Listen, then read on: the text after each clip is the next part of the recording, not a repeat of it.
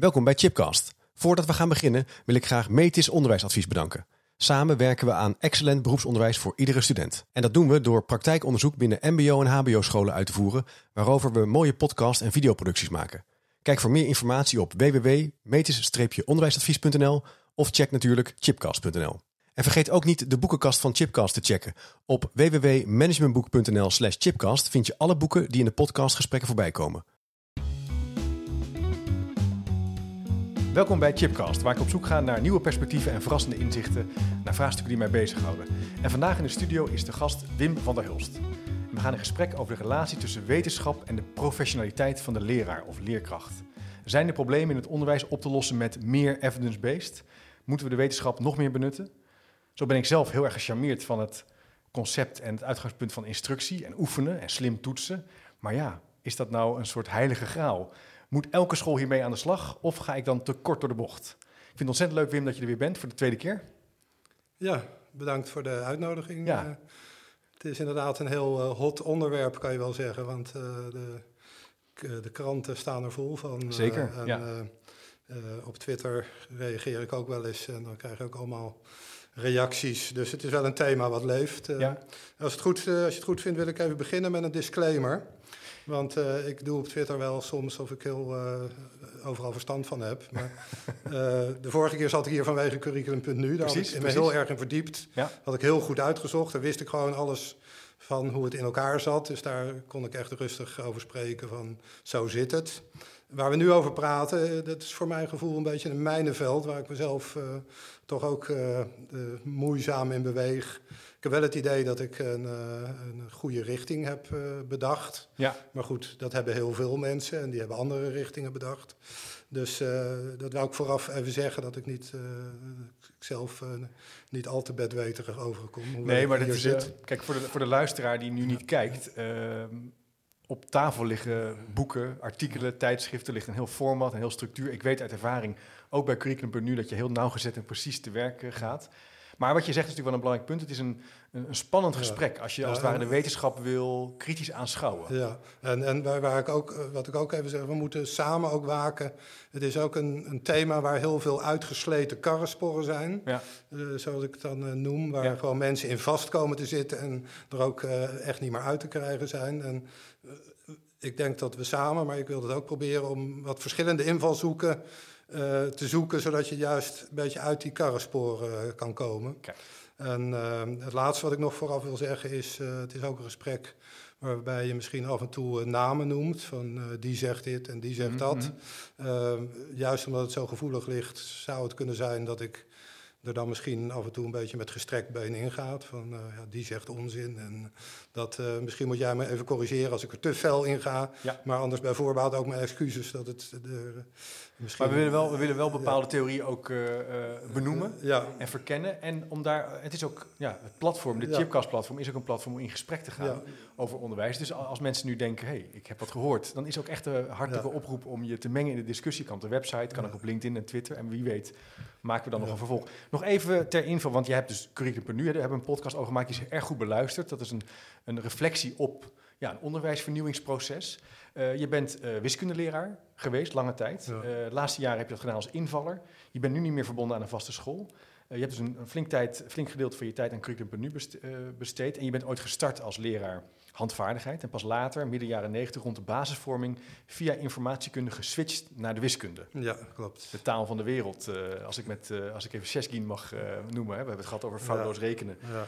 Ehm, en we gaan het dus hebben over de lastige relatie tussen wetenschap en professionaliteit in het leraarschap. Ja. Ehm, de, de- ik wil toch even beginnen met mijn eigen opleiding. Ja. Ehm, want eh, dat is ook een thema van hoe worden leraren nou eigenlijk voorbereid op dat lastige thema. Eh beginnende leraren ja, die, eh, die moeten zoveel leren. En wat ik gemerkt heb, ik ben nu eh, net, net met pensioen gegaan, is dat ik eigenlijk pas de laatste tien jaar wat ben gaan snappen van die wetenschappen. Ben ik me eigenlijk pas in gaan verdiepen. Dus het is helemaal niet raar dat beginnende leraren daar gewoon heel weinig van weten. Want het is ook een, rijpingsproces. En je, aldoende leer je. En ik heb de, de eerste 30 jaar heb ik misschien uh, er veel te weinig in, in verdiept. Dat ik achteraf zeg van ik had wel wat eerder wat, uh, wat uh, kunnen lezen. En hoe kwam dat dan? Um, nou, het, het rare is dat dat toch... je bent zo bezig met je vak, met gewoon het lesgeven met de leerlingen, de ja. dagelijkse gang van zaken. Maar daarom heb ik toch de, twee boekjes die ik, dat is toch wel een beetje mijn, mijn, nieuwsgierigheid, die ik bij mijn opleiding al had toen ik handvaardigheidsleraar werd. Dat was eind jaren zeventig dat ik naast de boeken die verplicht waren voor uh, algemene didactiek en vakdidactiek, uh, toch ook zelf boekjes heb gekocht. Zoals uh, Psychologie en Mensbeeld van, ik zeg altijd parren, maar het schijnt pareren te zijn. Ja. En, waar dus ook zo'n overzicht van verschillende denkbeelden in voorkomt. En een boekje wat ik toen ook ben gaan lezen, dat was Opvoeding tot mondigheid van Adorno. En dat is iets waar daar ben ik nog steeds aan gehecht. Er gaan echt zulke mooie denkbeelden in. En daar wil ik misschien ook even een citaat uit noemen. Um, want dat sluit wel aan bij het thema. Het is een, een tweegesprek dat hij heeft. Het zijn, zijn eigenlijk net zoals nu, uh, tegenwoordig zijn de podcast, maar toen waren het radiogesprekken. ja. En uh, hij had dan met, met Becker een gesprek. En dat ging dan over het Montessori-onderwijs en het vernieuwende. En dan zegt Becker op een gegeven moment, waarbij men echter bij al dergelijke instellingen als Montessori-scholen enzovoort voorzichtig moet zijn, want hier heeft zich merkwaardig genoeg vaak uit een verkeerde theorie een juiste praktijk of uit een juiste theorie een verkeerde praktijk ontwikkeld. Nou, Mooi. In feite eh, herinner ik me dat ik van dit soort zinnen toen al bij mijn opleiding al enthousiast werd. Ja omdat je inderdaad moet proberen dingen van verschillende kanten te bekijken. En het is niet zo zwart-wit dat je zegt, je hebt die theorie, dus dat is goed en dat gaat goed. En uh, vooral die Montessori, ik heb zelf op een Montessori-school gezeten... en het zit ook echt diep in mijn, uh, in mijn denkwijze, zeg maar, van het zelf willen doen.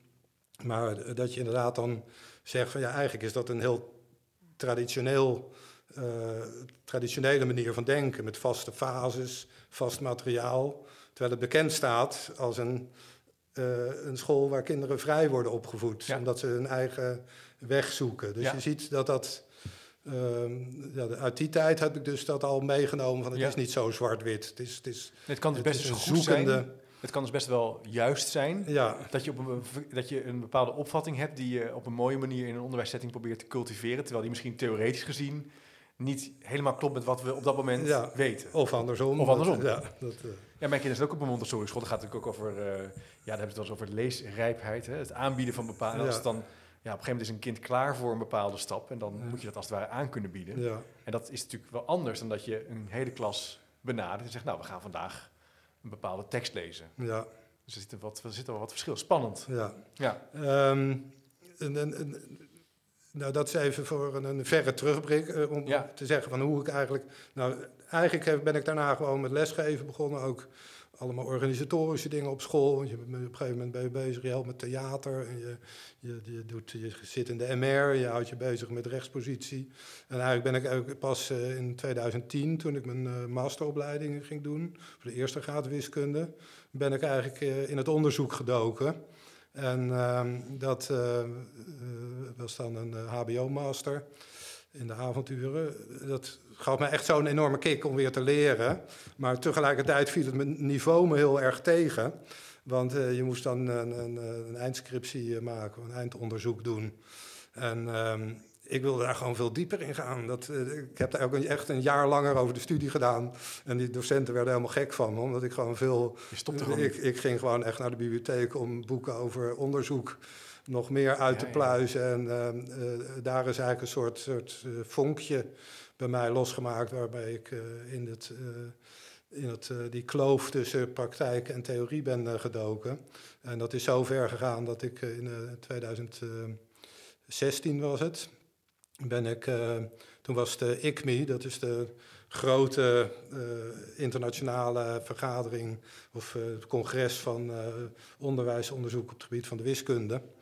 En die was toen in Hamburg. Dus ik denk, ik ga daar gewoon naartoe. En dat is dan een congres met 3.500 man van de, vanuit de hele wereld. Echte toppers uit het uh, onderzoek op het wiskundeonderwijs, die komen daar. En zit je dus inderdaad in een zaaltje met mensen van wie je echt artikelen en boeken hebt gelezen. Ja, ja, ja, en waar je tegenop kijkt.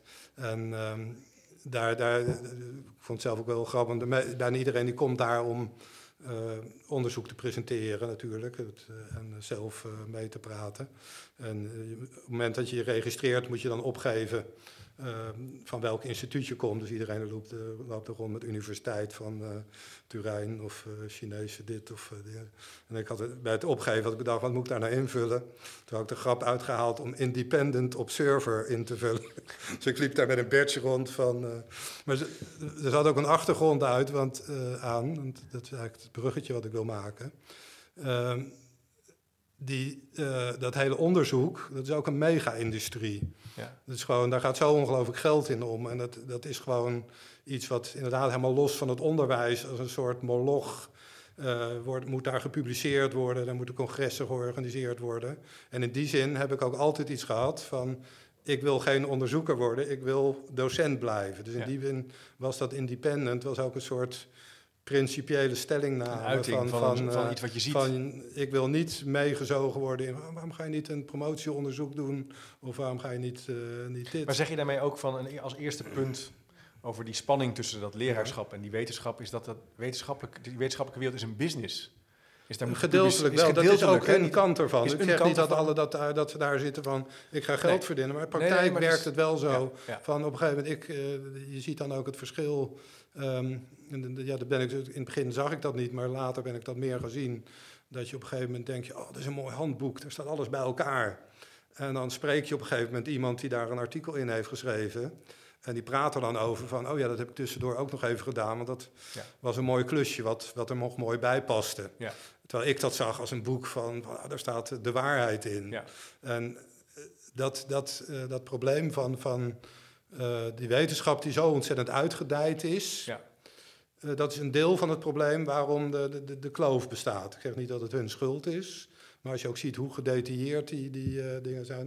Ik heb een van de boekjes, maar goed, dit is maar gewoon één heel dun boekje, maar er, er zijn 50 verschillende thema's uh, die allemaal weer een eigen werkgroep hebben, die allemaal weer, weer deelonderzoekjes hebben. En er zitten allemaal weer uh, promovendi en, en, en, en dus dat. Dus het is helemaal uitgedijd. Het is een enorme, ja. ja de, en dat is echt iets Um, dat vind ik dus wel heel leuk dat ik daar dus gewoon op een gegeven moment uh, de brutaliteit heb gehad om daar gewoon dan, dan, binnen te stappen. Het is ook heel gezellig. Ik heb een aantal leuke mensen ontmoet die, uit Nederland, die dan zelf wel met een promotieonderzoek bezig waren. je ziet ook mensen die, uh, sommigen die kende ik wel van congressen in Nederland. Ja. Maar je komt ook buitenlanders tegen. Het is een hele gezellige sfeer, want iedereen is met hetzelfde. Ja, maar je zegt ook mee, het is een beetje een, een, een in-crowd. Ik herken wel, ja. wat je hier in Nederland ziet, is dat er natuurlijk op tal van plekken clubjes mensen zijn die met allerlei goede bedoelingen een element van onderwijs eruit pakken. Ja. En daar dan mee aan de gang gaan en daarover willen schrijven en in bepaalde bladen willen komen. En een tweede punt wat ik daar ook nog wel, ik wil niet het, het, het gras voor je voeten wegmaaien, maar wat mij nog wel eens bezighoudt, heb ik zelf ook in mijn tijd dat ik wetenschap heb beoefend, mijn promotieonderzoek, vond ik een worsteling. Het verschil tussen terugkijken en vooruitkijken. Dus er wordt wel eens gezegd van um, uh, innovatieprincipes bijvoorbeeld. Dan, dan, kijken we terug op een aantal uh, casussen. Uh, we doen daar bijvoorbeeld kwantitatief onderzoek naar of kwalitatief onderzoek. En dan zeggen we, god, terugkijkend gezien, zien we eigenlijk dat er acht dingen belangrijk zijn bij uh, succesvolle innovaties ja. of bij succesvolle onderwijsvernieuwingen. Ja. En uh, dat wordt er keurig netjes opgeschreven, maar dan ontstaat er al een beetje ruis bij het feit dat we dan gaan denken dat dat ook vooruitschrijvend, prescriptive, ja. ook als het ware een receptenboekje is. En daar wordt het al moeilijker. en daar wordt het al wat gevaarlijker, want dat is natuurlijk heel moeilijk aan te tonen. Uh, soms kan het met onderzoek wel, hè, als je longitudinaal onderzoek doet over tijd, ja. kan je dat volgen. Maar dan nog is dat wel ja. heel spannend. Vraagt heel veel van een wetenschappelijke uh, professional. Ja. Voor tijd. Voor nou, dat is ook. Ken je iets, dat ook? Dat ja, dat beslist. Dat, dat is ook een punt wat ik, wat ik op mijn lijstje heb staan. En dat, dat, dat onderscheid tussen beschrijvende wetenschap, wat natuurlijk inderdaad vrij objectief kan gebeuren, maar dan nog is het waar kijk je precies naar. Daar kan ook nog allerlei gradaties in zitten. Van, kan zeggen, de leerling knippert met de ogen en iemand anders die kijkt naar wat hij wat hij opschrijft. Ja. Uh, Ja. Dus dat zelfs het beschrijvende zit al allemaal kanten aan. Maar als je dan gaat verklaren, dus dan een stapje verder, eh, proberen uit te zoeken waarom het Precies, zo precies. gebeurt.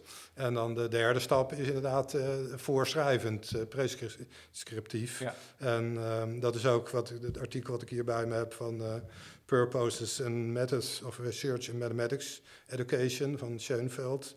Waarin hij precies op die thematiek ingaat. Hè, van je, ja, waar doe je je onderzoek eigenlijk voor? Ben je aan het beschrijven? Ben je aan het, hij is een heel meth- methodologisch is heel erg bezig geweest. Hij deed vooral eh, onderzoek naar eh probleemoplossen. Ja. En juist bij probleemoplossen zie je dat bijvoorbeeld. Dat je, eh, precies wat jij net zegt, je kan kijken naar kinderen die een probleem oplossen en dan beschrijven wat je ziet.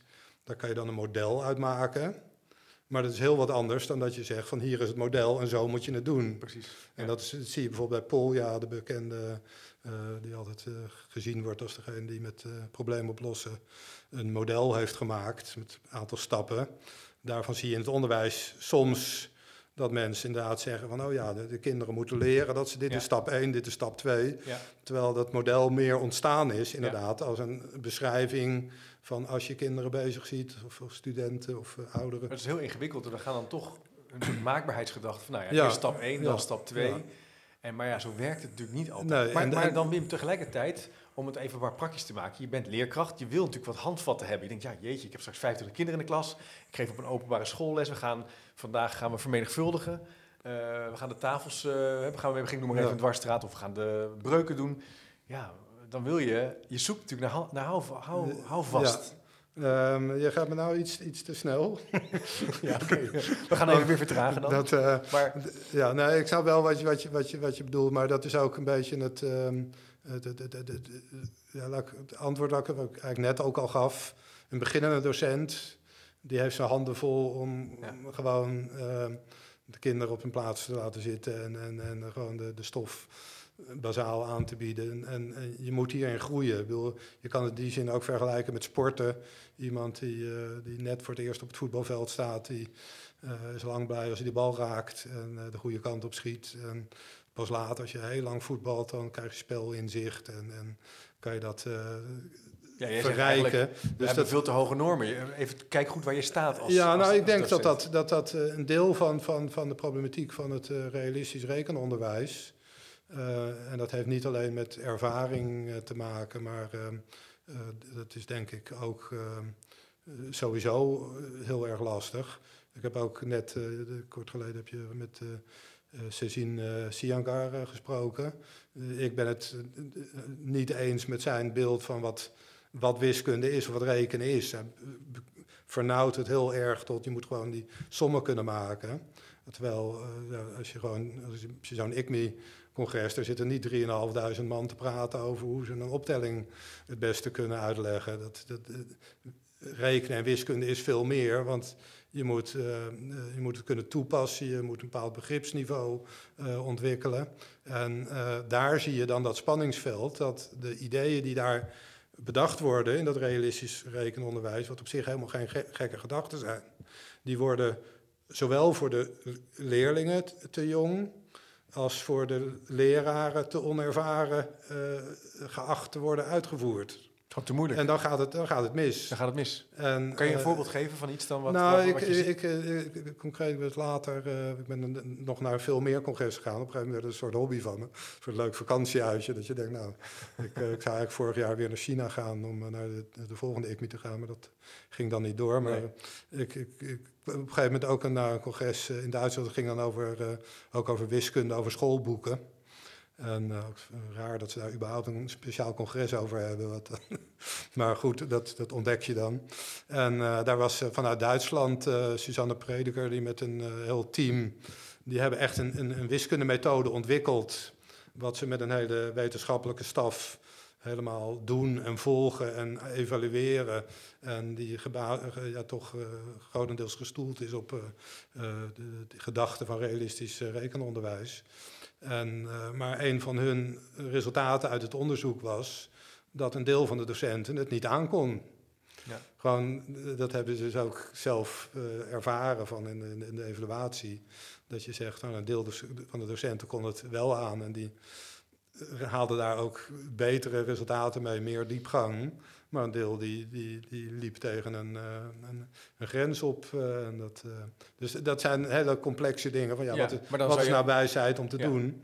Maar zou je dan kunnen zeggen van, ja, dan moeten die leerkrachten naar een betere school gaan? Ja, maar dat... dat of is dat dan, ga ik dan te kort door de bocht? Nee, dat, de, dat is een van de dingen die ik van Curriculum.nu geleerd heb. Ik heb daarbij die hoorzittingen gezeten in de Tweede Kamer... waar al die, die vakverenigingen hun pleidooi kwamen halen. En elke vakvereniging zei van, het zijn prima plannen voor het basisonderwijs, maar de docenten moeten wel extra scholing krijgen. Ja. Nou, dat is gewoon irreëel, die gedachte. We mogen al lang blij zijn dat we docenten hebben. En als er een paar docenten zijn die zich wat dieper op een bepaald onderwerp spelen. Maar het zijn geen uh, duizend, uh, hoe zeg je dat, geen, geen mensen die uh, kunnen toveren en, en alles maar kunnen. En ook maar gewoon mensen. En sommigen zijn heel goed, sommigen zijn goed, sommigen zijn matig. Maar zeg jij dan hierover, ja, we hebben dus wetenschappelijk, kunnen we, het voorbeeld van dat wiskundeboek van die mevrouw, en daar kunnen we best wel aantonen wat perfect is, hè? En dat nou, is perfect, nou ja, dat wil ik wat, niet zeggen, wat, maar wat, wat, wat, wat, goed moet, wat rijker is. Wat rijker is. Dat vind ik een... Net, en, maar ja, uh, voor een leerkracht is dat gewoon een, uh, een te hoog. Uh, nou, ik, ik denk, ik heb zelf, ik ben ook lid geworden van de, van de NVORWO, dat staat voor de Nederlandse Vereniging voor Ontwikkeling van het Reken- en Wiskundeonderwijs. hele mond vol. maar daar zie je een, een, een behoorlijke. Het is ook weer zo'n vakvereniging krijgt ook op een gegeven moment een bepaalde dat een, een bepaalde uh, mensen van dezelfde gedachten aantrekt. En die zitten toch behoorlijk op die, uh, op die, op die lijn van het realistische rekenonderwijs en alles wat, daar, wat daarbij hoort. En ik heb daar in, in, de ledenvergadering ook gepleit van jullie of we, want ik ben ook lid. We zouden eigenlijk gewoon als, als, als vereniging veel meer moeten gaan kijken van waar zit die kink in de kabel? Waar, in. waar, waar, uh, waar, waar gaat het mis? Waarom ontstaat er in de maatschappij? Ik zeg niet dat die mensen niet in de klas komen, want er zijn ook mensen die ook, nee, ook uit het onderwijs komen en op de les geven op de Pabel, maar gewoon te weinig uh, rekenschap geven van de klachten die er zijn en de kritiek die er is. En dan nogmaals, dan ben ik niet, in die zin probeer ik het tussenpositie. Ja, ja, ja, ik vind, ik vind uh, wat uh, Siangar zegt, vind ik te, te, te arm, te, te, eenzijdig. Ja. En eh, de, de, manier hoe dat dan verkondigd wordt als dat is de oplossing, daar ga ik absoluut niet in, in mee. Nee, Maar uh, het, het, probleem wat hij signaleert, dat er op veel eh, scholen kinderen vastlopen. Uh, trouwens, een leuke die. Uh, dat herken je dus wel. Dus ja, de, ja. De, de, kan ik dit boek even bijpakken. Debates in Mathematics Education. Um, het gaat dus over debatten die er. En, en uh, daar staat een, uh, op zich wel een leuk boek, want soms heb je bij boeken dat ze heel erg de ene kant of de andere richting zijn. En dit is een beetje, eigenlijk een beetje onpeilbaar waar ze precies uh, staan. Maar er staat één artikel in. en dat, daar wordt op een gegeven moment een, een lerares, een casus van een lerares aangehaald. Die eigenlijk zegt van het gaat dan over het in het wiskundeonderwijs de, de heilige graal is uh, het, uh, ze moeten het leren zodat ze het begrijpen, de understanding. Mm -hmm. Nou, dat is natuurlijk een, een, heel mooi hoog doel. Je wil niet dat ze alleen maar het sommetje maken, maar er moet een begrip ontstaan. Dat er gaat inderdaad heel veel onderzoek eh, wil die kant op. Maar die lerares die omschrijft van eigenlijk heeft die, uh, die aanpak voor mij geresulteerd in een, uh, in een gevoel dat er mensen zijn die het begrijpen en mensen die, er niet, die het niet begrijpen. En ik hoor bij de mensen die het niet begrijpen. Dus door zo ontzettend te hameren op, op je moet het begrijpen, daar gaat het om, dat is het doel, krijg je een soort uh, schifting tussen uh, dat mensen een, een, een, als het ware het gevoel krijgen, ik voldoen niet aan de eis, want ik, ik begrijp het zelf niet goed.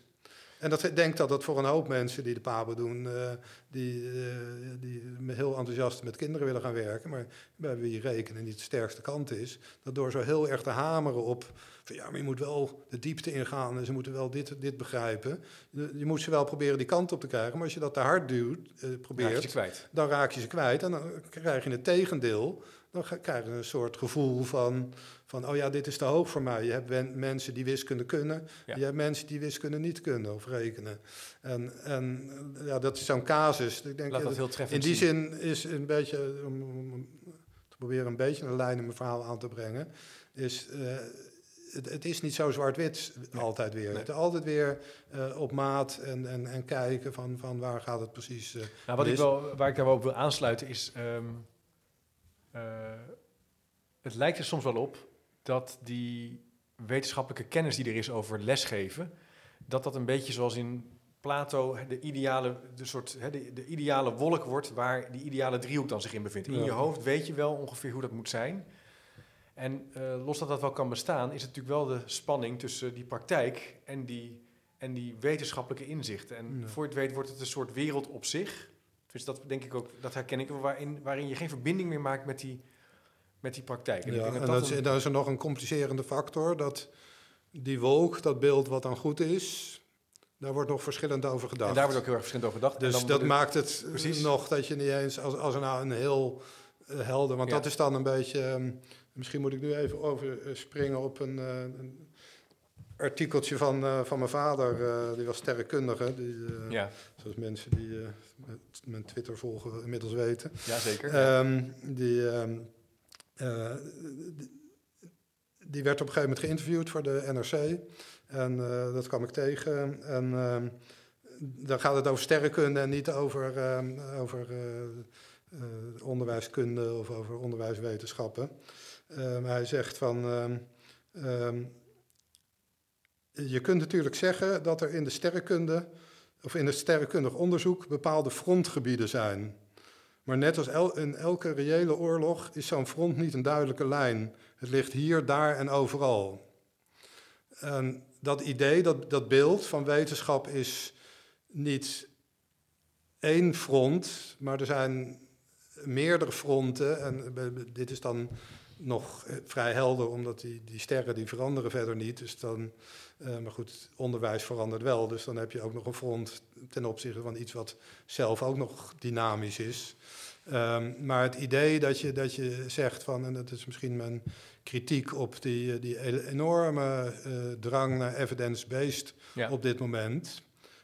Dat zie ik dus eigenlijk als een. Dat is niet verkeerd. Je mag best eh, dingen die daar, eh, als je de Tim Surma, eh, de twaalf wijze lessen leest, zijn hele goede tips in. Het is een mooi Ja. boek. ja. Alleen de enorme roep van we moeten die kant, dat zie ik dan inderdaad. We moeten naar dat front, we moeten naar dat front. Ja. En, en laat, alle, de- laat al het andere maar liggen, want, want hier, hier bereiken we de doorbraak. En hier ligt de, Maar wat raak je dan kwijt? Wat, wat, wat is het risico als je dus op die manier... Nou, dat, dat je, dat je dan, eh, eh, eh, even dat artikeltje van mijn vader, een stukje verderop zegt hij dan, en dat herken ik dan ook wel een beetje bij, bij mezelf, van, er staat er van de Huls, die zichzelf zou willen karakteriseren als iemand die achter de frontlijn werkt om de zaak te ordenen. Ja, En ik denk dat dat een van de punten is die ik van, vandaag aan, aan jou en de luisteraars mee wil geven. Dat, dat missen we eigenlijk te veel. Ja. De, de, de, de- er zijn, eh, je kan evidence-based doen, maar er zijn hele andere eh, fronten die misschien nu niet in de aandacht staan, Nee. maar die, eh, die wel op een andere manier belangrijk die zijn. ook waardevol kunnen En die zijn. waardevol zijn. En misschien over, over twee jaar weer. Ik bedoel, het gaat nu opeens heel erg over kansen, on, kansenongelijkheid. Want die, die, die tv-serie is geweest. hype. En, Het is en, en, maar het, is, hartstikke belangrijk. En, Ja, maar het- ja. maar het is. eh, eh, over, het, over twee jaar gaat het misschien weer over. hele andere dingen. En, en, en dat houden we te weinig in de gaten. En, en we, hebben, we hebben niet een, ehm, eh, een, een, een, een- iemand die gezag genoeg heeft om al die losse fronten die er in het onderwijsonderzoek zijn, eh, te ordenen en, en te zeggen van nou, dit is wel goed daarvoor. En dan heb je natuurlijk wel zo'n zo'n blad als Didactief, die doet zijn best om in ieder geval de informatie van, eh, die is Ja. niet eenzijdig, Nee. maar die, geeft een beetje van dit, een interview Ja. met Bista en dan Ja. een beetje, een beetje met die. Maar dat is dan nog niet, eh, het blijven losse dingen en, en de lezers...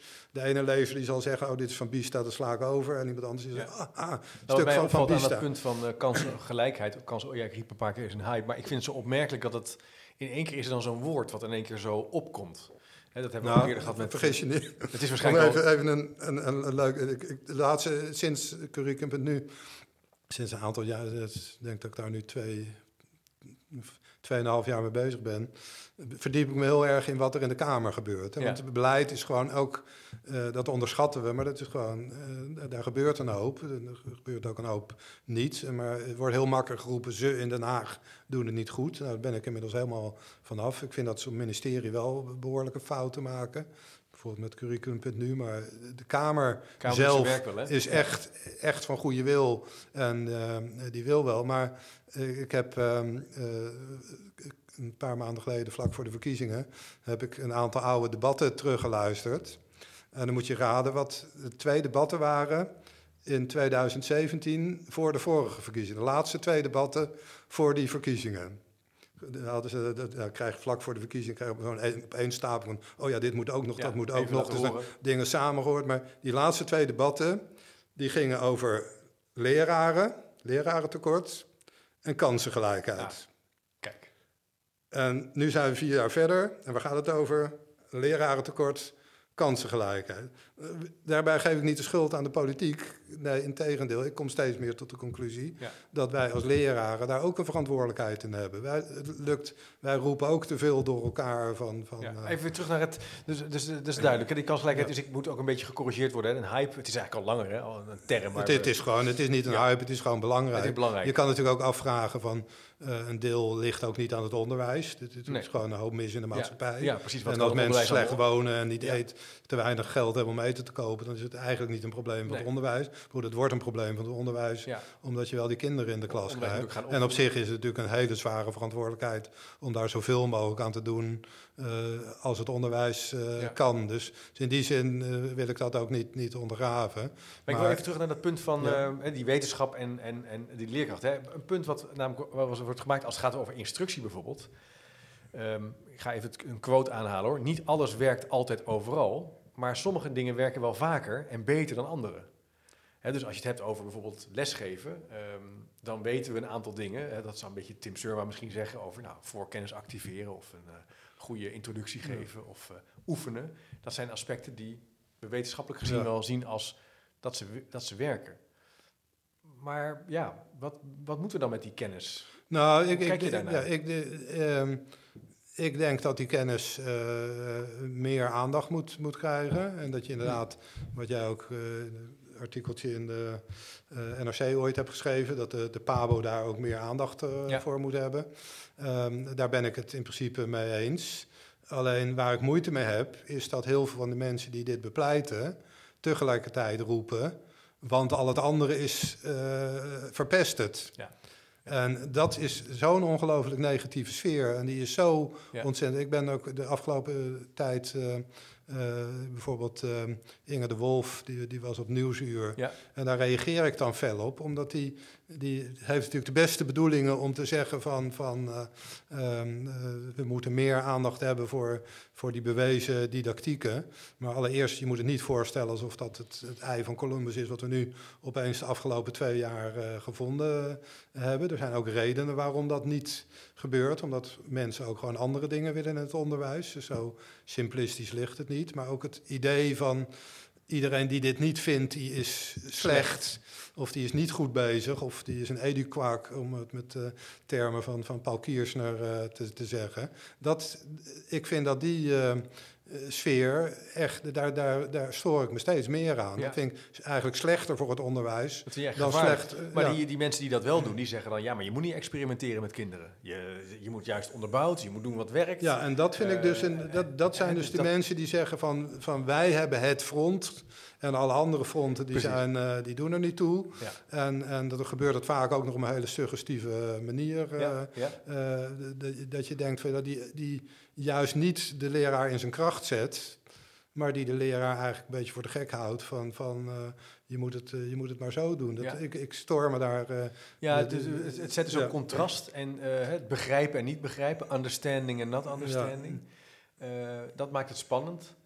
Ehm, en wat er ook kan gebeuren is, er zijn ook wel scholen die ontzettend wetenschappelijk werken, maar niet goed presteren. Die voorbeelden zijn Ja. er ook. Dus het is niet een soort, ja, Martin Bootsma zei dat laatst tegen, het is niet een soort heilige graal. ja. Want er is meer voor nodig als school om lekker te presteren als Ja. team, om het ook leuk te hebben, om werkplezier te hebben. Dat zal niet alleen maar gebeuren als je alleen maar op die manier lesgeeft misschien. Ja.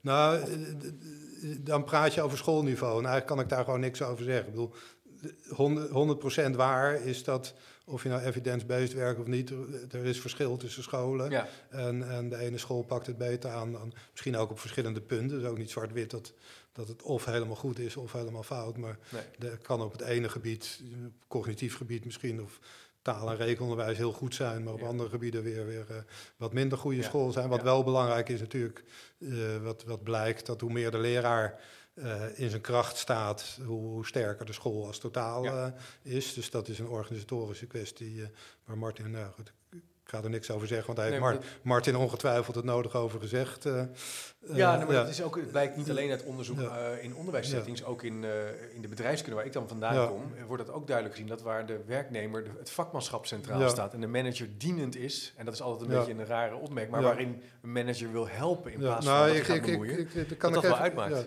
Maar je wil, ja? Dit- nou ja, ik, ik, vooraf zei ik al dat ik paar van je oude eh chipcasts heb gekeken. En ja, dan, leuk. ehm, ja. eh, ben ik weer de naam kwijt, eh, de Ruiter. Manon Ruiters? Manon? Ruiters, ja. hoogleraar aan de VU. Ja, die, die het over professionaliteit heeft gehad met jou.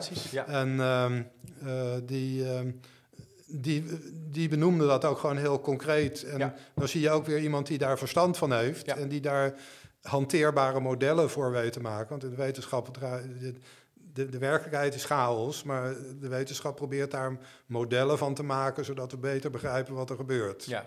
En eh, die was dan weer heel goed in staat om te zeggen van eh, allemaal onderscheid. Ik moet even kijken of dat spiekbriefje tussen allemaal papieren hebben liggen. Ja, het staat me in ieder geval bij. In ieder geval Die- het- die, het, ehm, het onderscheid tussen professionaliteit en professionaliseren bijvoorbeeld. Ja, en maar kijk, want als ik, anders doe ik er tekort als ik.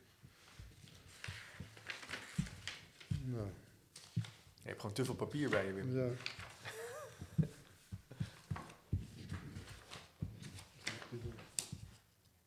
Oh ja, ehm, eh, Manon Ruiters, ja.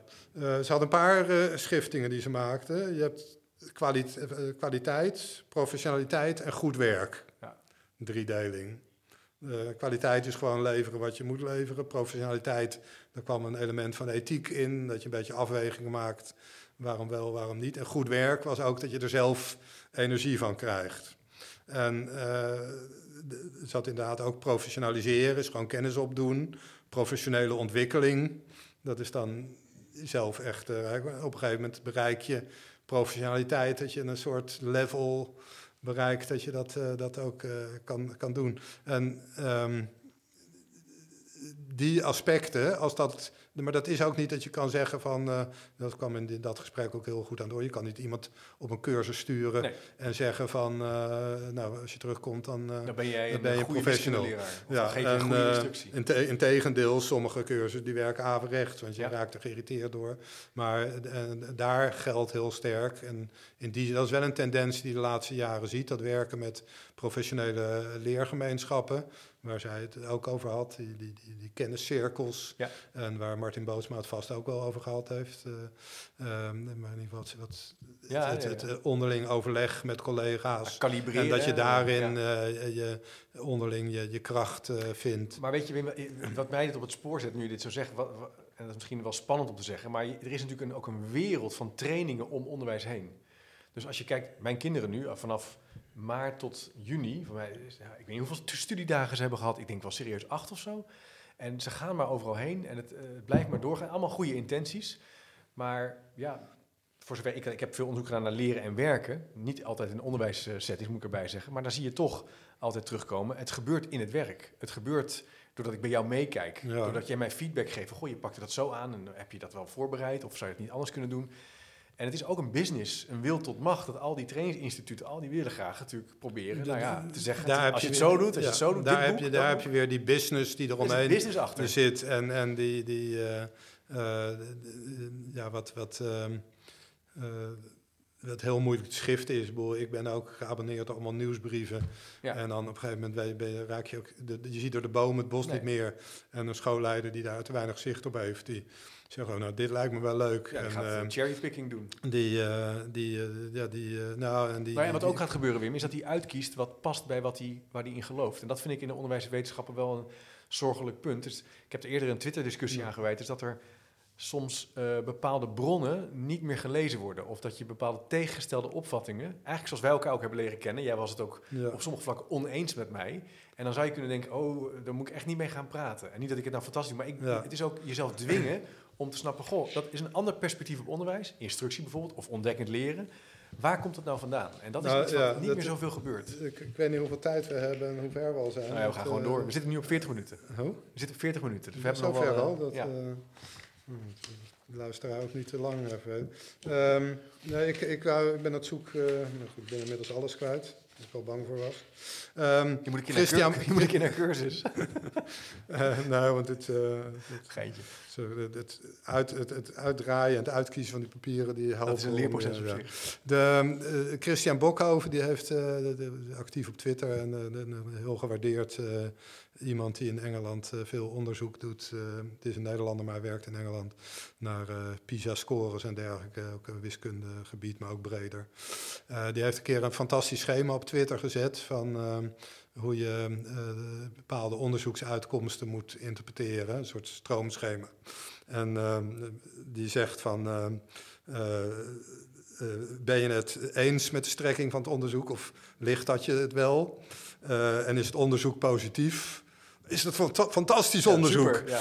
Ehm, is het, eh, ben je het eens en het, eh, het resultaat is negatief? Ah, waardeloos onderzoek en er zitten fouten in en ze hebben niet de goede gegevens gebruikt. En andersom eh, vind je het een, eh, ben je het niet eens met, eh, met de, de ingreep en het eh, resultaat is positief, dan eh, nou, eh, ze hebben de verkeerde dingen gemeten. Ja, en. Maar goed, er zit een enorme wil in eh, bevestiging van het spoor. Waar, dat zijn ook weer die karrensporen. Maar dan haal ik even iets anders erbij. Dat is een gezichtspunt wat, ik, eh, wat heel anders is. Eh, het snapgevoel. Ik weet niet of je het kent, Ja, van eh, Herman de Recht en Hans Dorenmalen. Eh, nou, het woord zegt het eigenlijk al. Die zeggen van eigenlijk is het evolutionair min of meer bepaald dat ehm, mensen graag iets snappen. Bedoel, het is ook buitengewoon irritant als je een goochelaar ziet eh, die een truc doet die niet kan. Had ik laatst nog. Dan, Oh, daar, daar, eh, als je zo dat mindfuck, op de, daar kijk, ik, kijk ik dus ook nooit naar op tv, want ik weet gewoon dat ik me alleen maar erger. hebben. Want eh, ik wil gewoon dingen snappen en die doet iets wat ik niet snap. Dus dat, dat.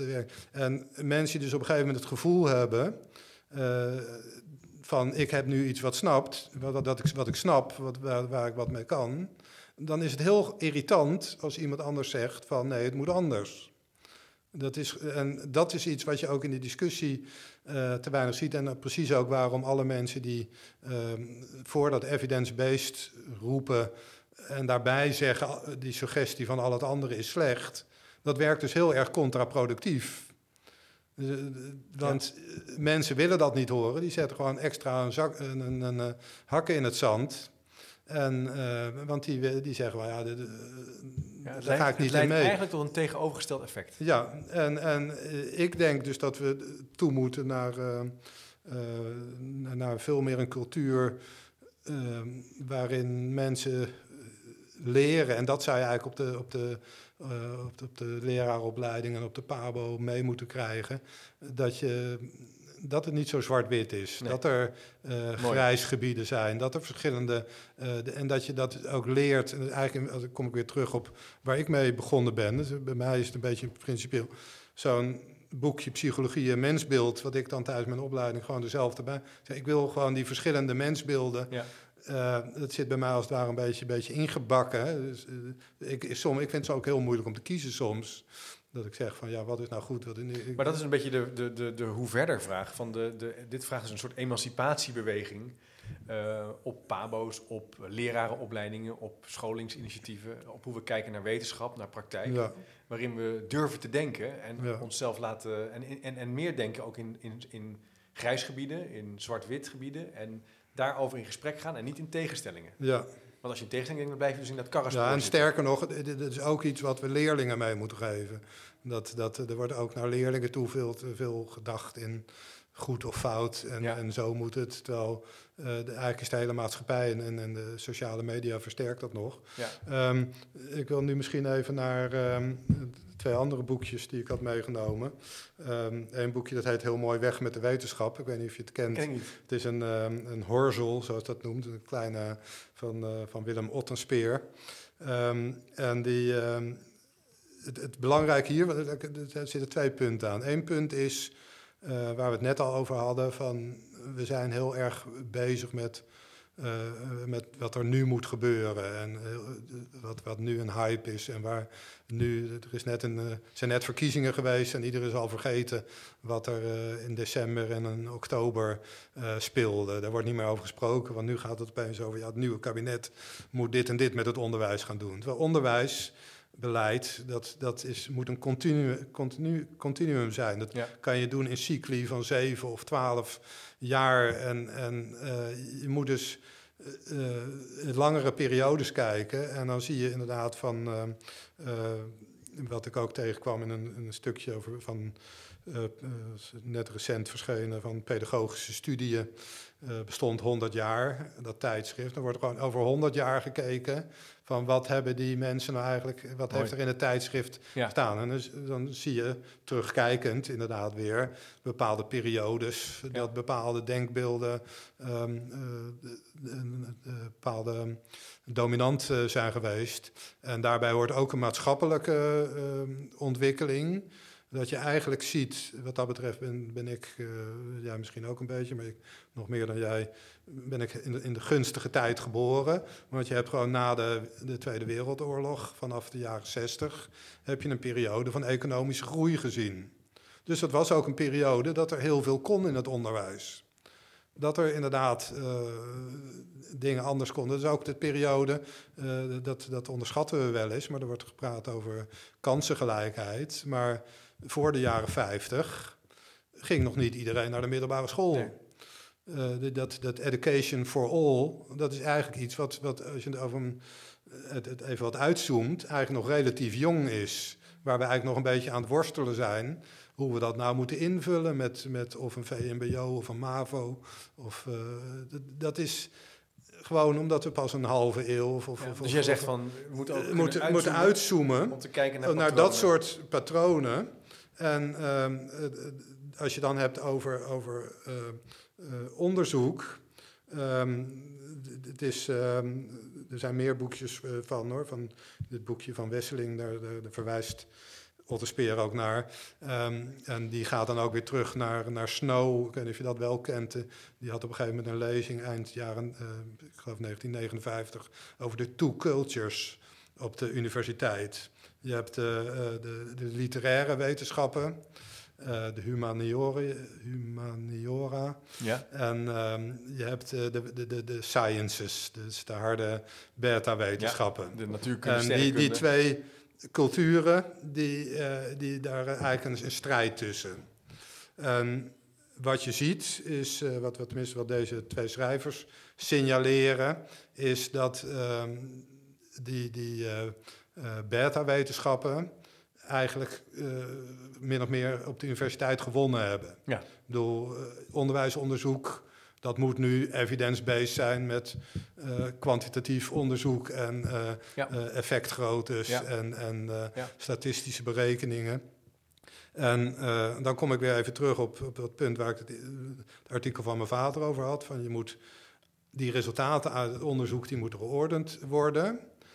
Dat de, hele kennis en de hele eh, eh, eh, maatschappelijke aandacht en ook de aandacht op de universiteit voor de, de, de algemene ontwikkeling, voor gewoon dingen kunnen begrijpen, dingen kunnen eh, snappen, dingen kunnen beoordelen, die is op de achtergrond geraakt. Ja, is heel herkenbaar En, toen ik... en eh, dat, dat, dat is eigenlijk een, een, een punt waar, daarom zegt hij dus de, de titel weg met de wetenschap. ja, met de wetenschap wordt dan eh, ja, de dominantie de dominantie van, van. de... En, en dat is precies waarom ik strijd eh, tegen mensen die zo hard roepen dat, eh, ja, dat we in het onderwijs naar evidence-based moeten. Want dat is ook diezelfde, en eigenlijk is dat dus niet een, een, eh, een verrijking, maar dat is een soort vervlakking van hoe we met onder, eh, onder, eh, onderwijs bezig zijn.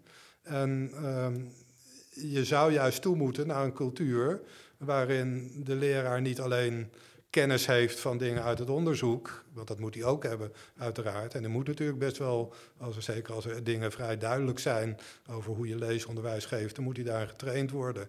Uh, maar goed, heel veel van die dingen liggen niet zwart-wit. Hij moet daar uh, een basiskennis van opdoen tijdens de uh, opleiding. Hij moet zich blijven ontwikkelen op dat gebied. Maar tegelijkertijd moet hij een soort attitude hebben die zich niet vastgraaft, maar die een uh, en, en, dat is eigenlijk juist de soort docenten die we steeds meer uh, kwijt beginnen te raken. Ik bedoel, zelfs uh, Otto Speer die vergelijkt het op een gegeven moment ook met, met kranten en politieke partijen. Maar ook kranten hebben niet meer die, die, die, die functie die ze vroeger hadden, dat ze boven de materie stonden. Die, die waaien ook met de ene hype mee en met de andere hype mee. En um, dat, dat is een hele zorgelijke ontwikkeling. Ja. En uh, dan hou je inderdaad op een gegeven moment. Ik ben dus bang dat als je um, juist de mensen die, die toch meer willen, ja, je moet daar echt op gaan sturen. Er moet een soort. Uh, en dat is niet een plan wat, wat eventjes uh, volgend jaar of een paar maanden uit, uit, uit, uit, de verf kan komen. Maar je moet een, een, een, een lange termijn plan gaan maken hoe we die tendens dat langzaam uit de, hele, ma hele, maatschappij, die, die, die algemene ontwikkeling toch. En dan kom ik toch weer op dat, dat boekje van, van, uh, van Adorno, waar ik, dat me zo dierbaar is. Die, de, daar staan artikelen in, dat is heel erg grappig als je dat leest. Uh, dus uit de jaren zestig dat hij deze dingen schreef. Uh, deels ook, het was een Duitser die heel erg in zijn maag zat met wat er in Duitsland gebeurd was in de oorlog. Dus die ook een soort schuld voelde van hoe hebben wij kunnen laten gebeuren dat, uh, dat, het, uh, dat Hitler zo, uh, zo zijn gang heeft kunnen, kunnen gaan. Dus er zit een, een, een, soort, een soort schuldgevoel in. Maar er zitten ook dingen in. een artikeltje over een filosofie-examen wat leraren moeten doen, waar hij dan examinator is. En dat die studenten dat zo waardeloos doen. Ja, tegenwoordig zou je zeggen van filosofie, daar komen ze helemaal niet aan toe in de opleiding bij ons. En in die tijd moesten ze nog uh, een, een, een, een, een, scriptie erover schrijven en dan een, een, mondeling tentamen erover doen. Maar goed, er staat ook een artikeltje in, dat vind ik ook heel erg grappig, over uh, het uh, gebrek aan status van de leraar. Ja, dat was toen ook wat al toen ook al, wat, dat de leraar, hij beschrijft het heel erg mooi, in zichzelf, doordat hij eigenlijk altijd met kinderen werkt. En die kinderen die komen dan verder, maar hij blijft achter. dat het eigenlijk in zichzelf een soort uh, frustrerend beroep is. Ja, ja, ja, het is natuurlijk, wij weten als leraar wel dat het heel rijk is om met kinderen te werken. Maar als je inderdaad denkt van, ja, wat heb ik nou aan het eind van mijn leven bereikt? Dan ben je zelf dus niet verder gekomen. En dat is ook weer wat pleit voor meer, um, meer onderling, eh, zoals ik naar die ICMI ga, ga dat wat gewoon een weer, dat je jezelf weer oplaat, dat je je weer verrijkt. Ja, weer nadenkt. Dat, uh, maar goed, daar, dat is dan wel een politiek punt. Daar moet meer, uh, meer tijd voor zijn. En, uh, ja.